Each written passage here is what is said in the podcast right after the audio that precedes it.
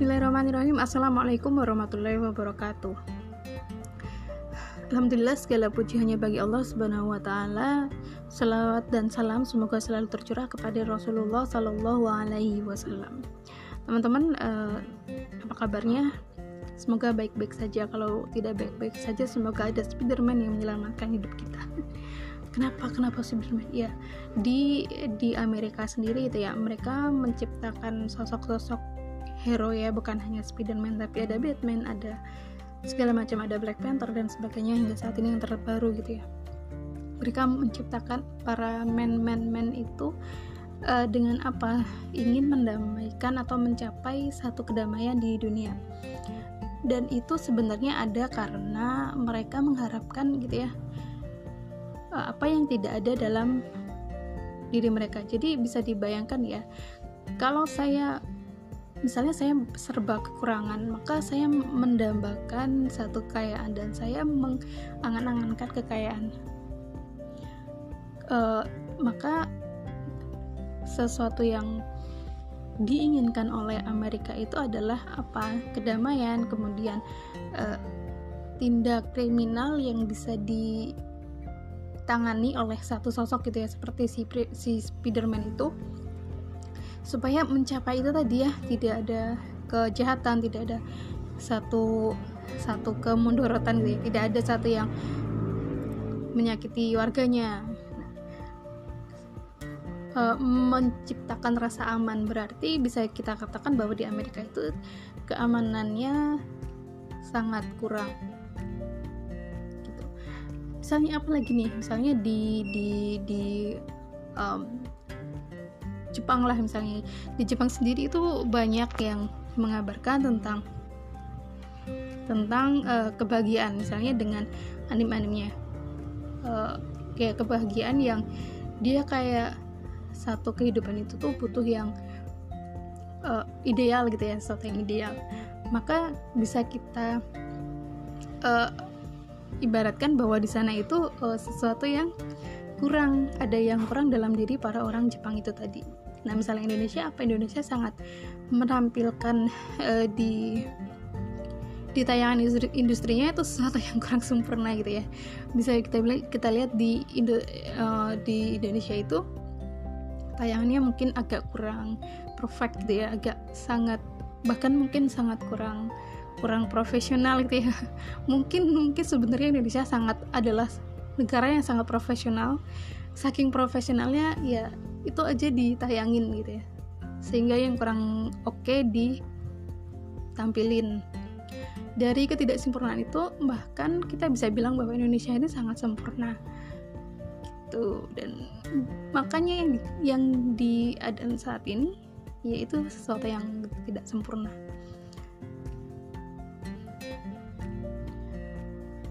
uh, Indonesia Indonesia kan kita tahu nih teman-teman tahu lah ya Indonesia itu suatu yang, uh, sebuah negara negara yang amat kaya sumber daya alamnya uh, berlimpah.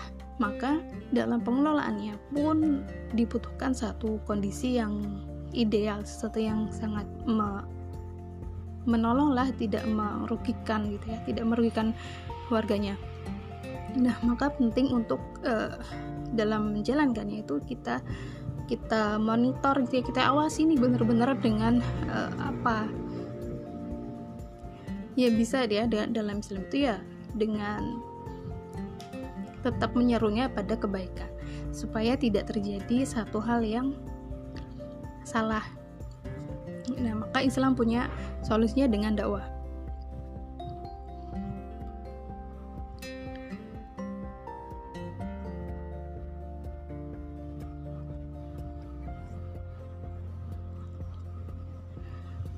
supaya teman-teman supaya apa? Supaya ke kemarukan kemarukan ke sangat sangat sangat buas kepada harta yang didapat itu tidak terlalu tidak terlalu over gitu ya. Jangan jangan sampai kita terlena kan karena itu karena kekayaan kita jadinya malah terjadi ya. Tapi memang sudah terjadi gimana? Sudah terjadi banyak sekali uh, eksploitasi yang menghasilkan nanti ada korupsi dan sebagainya ya hanya hanya kepada golongan tertentu uh, keuntungan itu.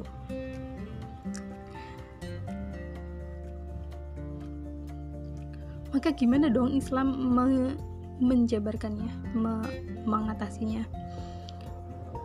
Nah maka dari dari dari sini gitu ya. Islam hadir dengan mengatakan bahwa dunia ini ya hanya segenggaman tangan aja. Bahwa dunia itu hanya ibaratnya satu tetes uh, tangan kita dicelupkan kepada laut dan apa yang tertinggal di jari kita itu itulah dunia. Bahwa ada lautan yang seluasnya segitu itulah nanti dunia nanti setelah dunia ini berakhir atau atau uh, dari yang kita celupkan di dalam lautan tadi kemudian ada air yang menetes maka itulah dunia. Atau uh, dari uh, seekor lalat sebelah sebelah sayapnya itu itulah dunia. Hanya se separuhnya aja. Hanya separuhnya aja. Dunia itu hanya sebelah dari sayapnya. Ya kan? Nah hanya sebelah sayap nyamuk saja. Nyamuk ya kalau nggak salah nyamuk. Nyamuk apa lalat ya? Dunia itu hanya se nah maka kalau kita nggak dapat itu ya nggak apa-apa. Nah ini yang mesti kita katakan kepada orang-orang itu. Kepada orang-orang yang membutuhkan uh, pengetahuan bahwa ya harta itu buat uh, budaknya manusia. Bukan bukan manusia diperbudak oleh harta tetapi manusialah yang harus menjadi majikan dari dunia atau ma manusia menjadi majikan dari harta dari harta gitu. Nah nanti dari sana pengertian bahwa tidak pentingnya harta di dunia itu jadi tahu dan gak lagi berorientasi pada pada keuangan gitu ya pada uang dan hanya pemenuhan nafsu aja gitu. Uh, pun begitu ya dengan keadaan pemuda saat ini yang yang salah gitu ya salah menempatkan kepentingan dirinya gitu. Misalnya banyak sekali nih uh, di saat ini gitu ya banyak banget tren-tren yang terjadi. Entah tren apa ya ya TikTok yang segala macam ya. Di kemudian uh, cita-citanya yang beralih jadi youtuber kemudian uh, banyak sekali ya. Ini kan sebenarnya kalau misalnya kita kita telusuri bahwa mereka itu sebenarnya kan hanya ingin ini ya pengen ini pengen kasih tahu nih ah, ada saya loh. Ada ada dalam diri mereka itu pengen menampilkan saya ini ada. Atau kita atau dengan kata lain uh, mereka ingin menunjukkan eksistensi. Nah dalam dalam Islam sendiri ya memang ada uh, naluri untuk itu naluri bakok namanya Nah, makanya mereka mulai dia mencuat atau menampilkan apa yang sekiranya akan dilihat orang. Dan tidak ingin kalah ya tentunya. Mereka kemudian menampilkan dirinya lewat apa pun yang mungkin bisa. Salah satunya ya lewat ini segala macam ini. Fungsinya buat apa? Sebenarnya mereka cari perhatian aja.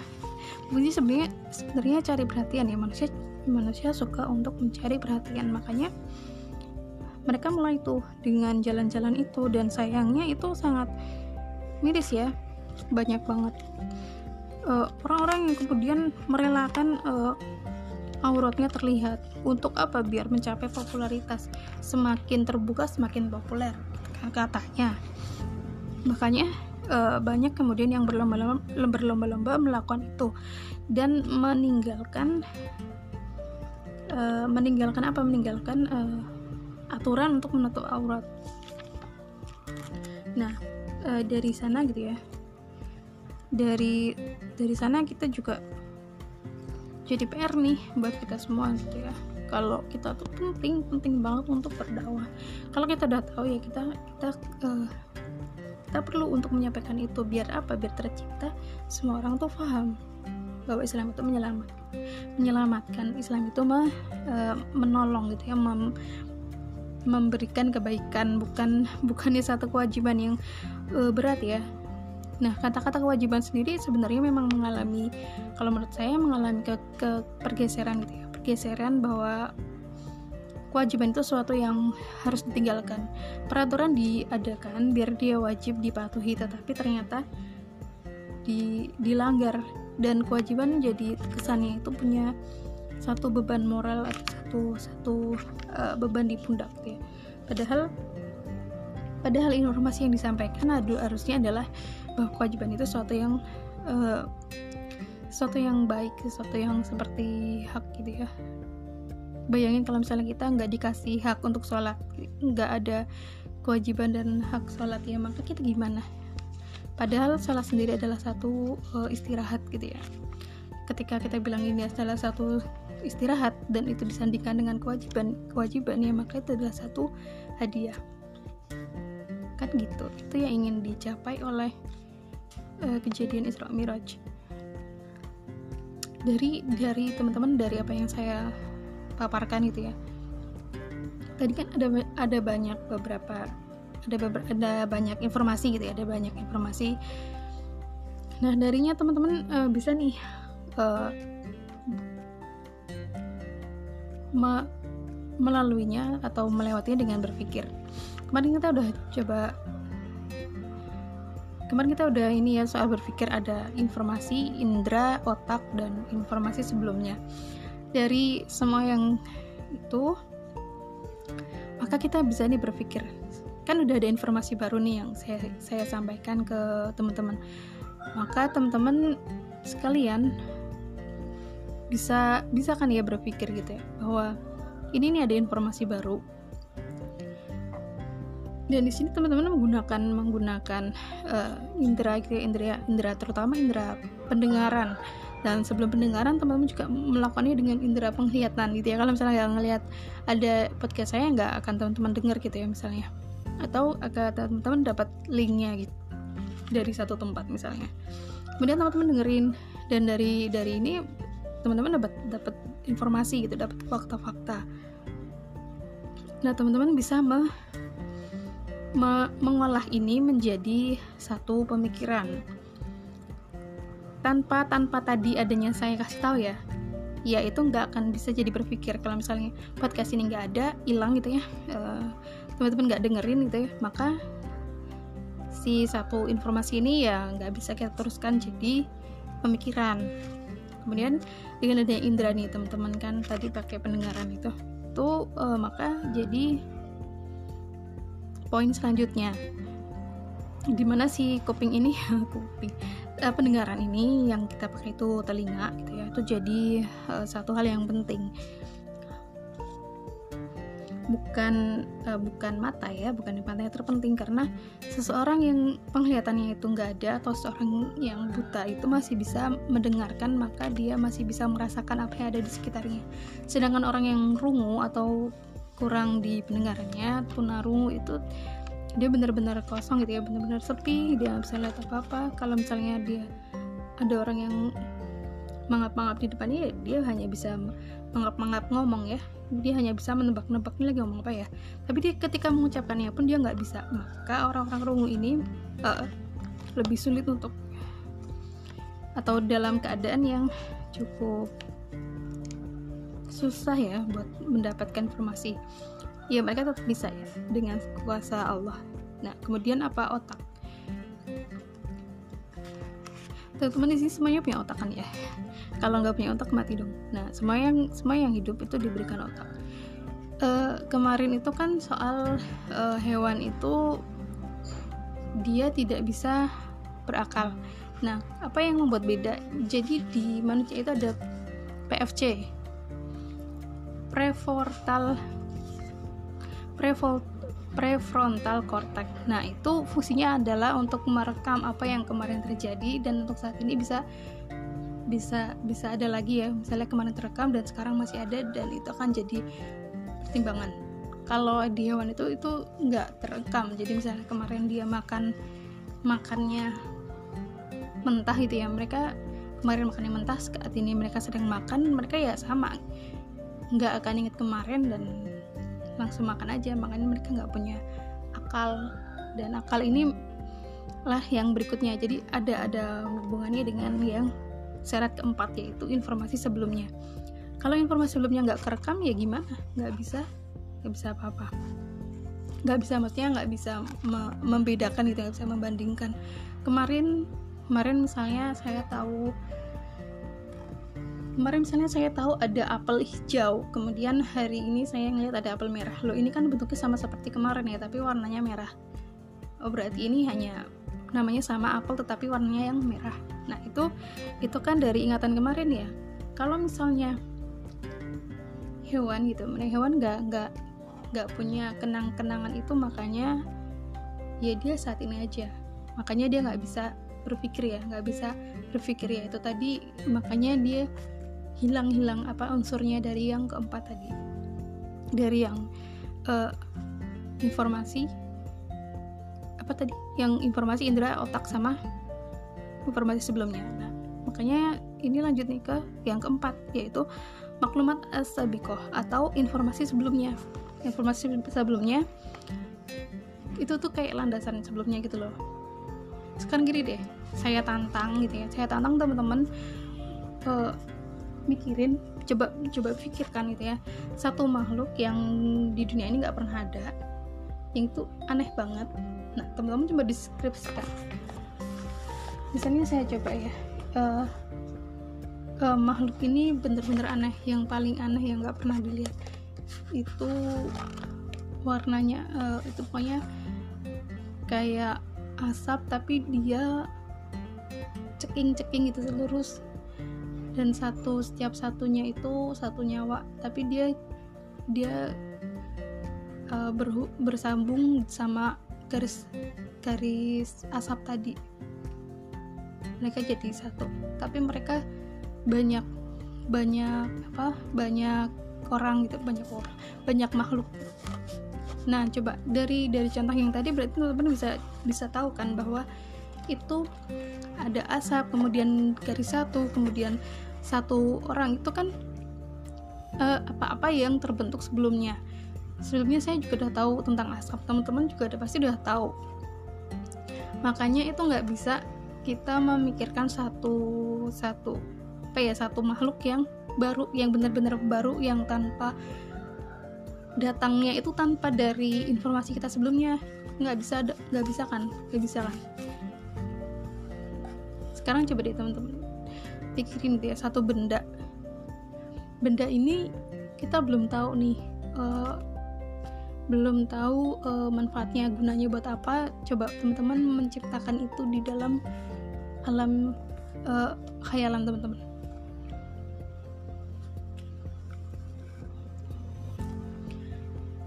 Nah biasanya teman-teman akan akan kesulitan dengan dengan menciptakan sesuatu yang baru karena lagi-lagi kita nggak bisa lepas dari informasi sebelumnya. Semuanya saling berkaitan entah itu secara warnanya secara bentuknya secara apa namanya unsurnya misalnya lingkaran kah apa kotak dan sebagainya itu pasti terinspirasi dari san dari apa yang kita lewati sebelumnya. Gitu. Um, oh iya ada yang satu yang menarik. Kemarin saya kepikiran uh, kalau manusia itu kan biasanya bikin ya bikin aja gitu belum tahu namanya apa. Misalnya bikin bikin apa sih ini namanya uh, bikin uh, benda ini ya HP misalnya. Mereka kan bikin dulu baru habis itu dikasih nama. Nah tapi Allah dengan segala kuasanya itu bisa menciptakan sesuatu itu ya namanya dulu gitu tanpa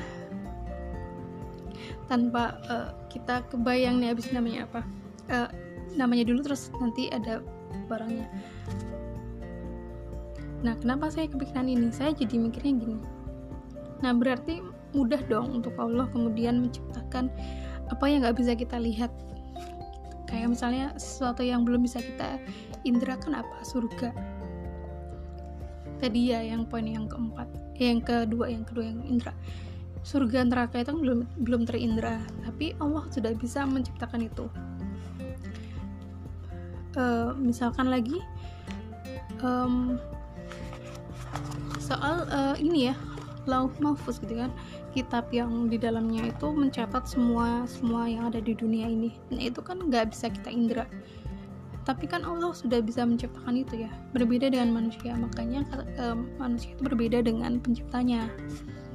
Nah itu uh, apa-apa yang bisa saya sampaikan? Semoga ada kebaikan yang bisa diambil. Kalau ada yang salah itu hadirin dari saya. Semoga dimaafkan dan semoga bisa saya perbaiki di kemudian hari. Saya akhiri. Wassalamualaikum warahmatullahi wabarakatuh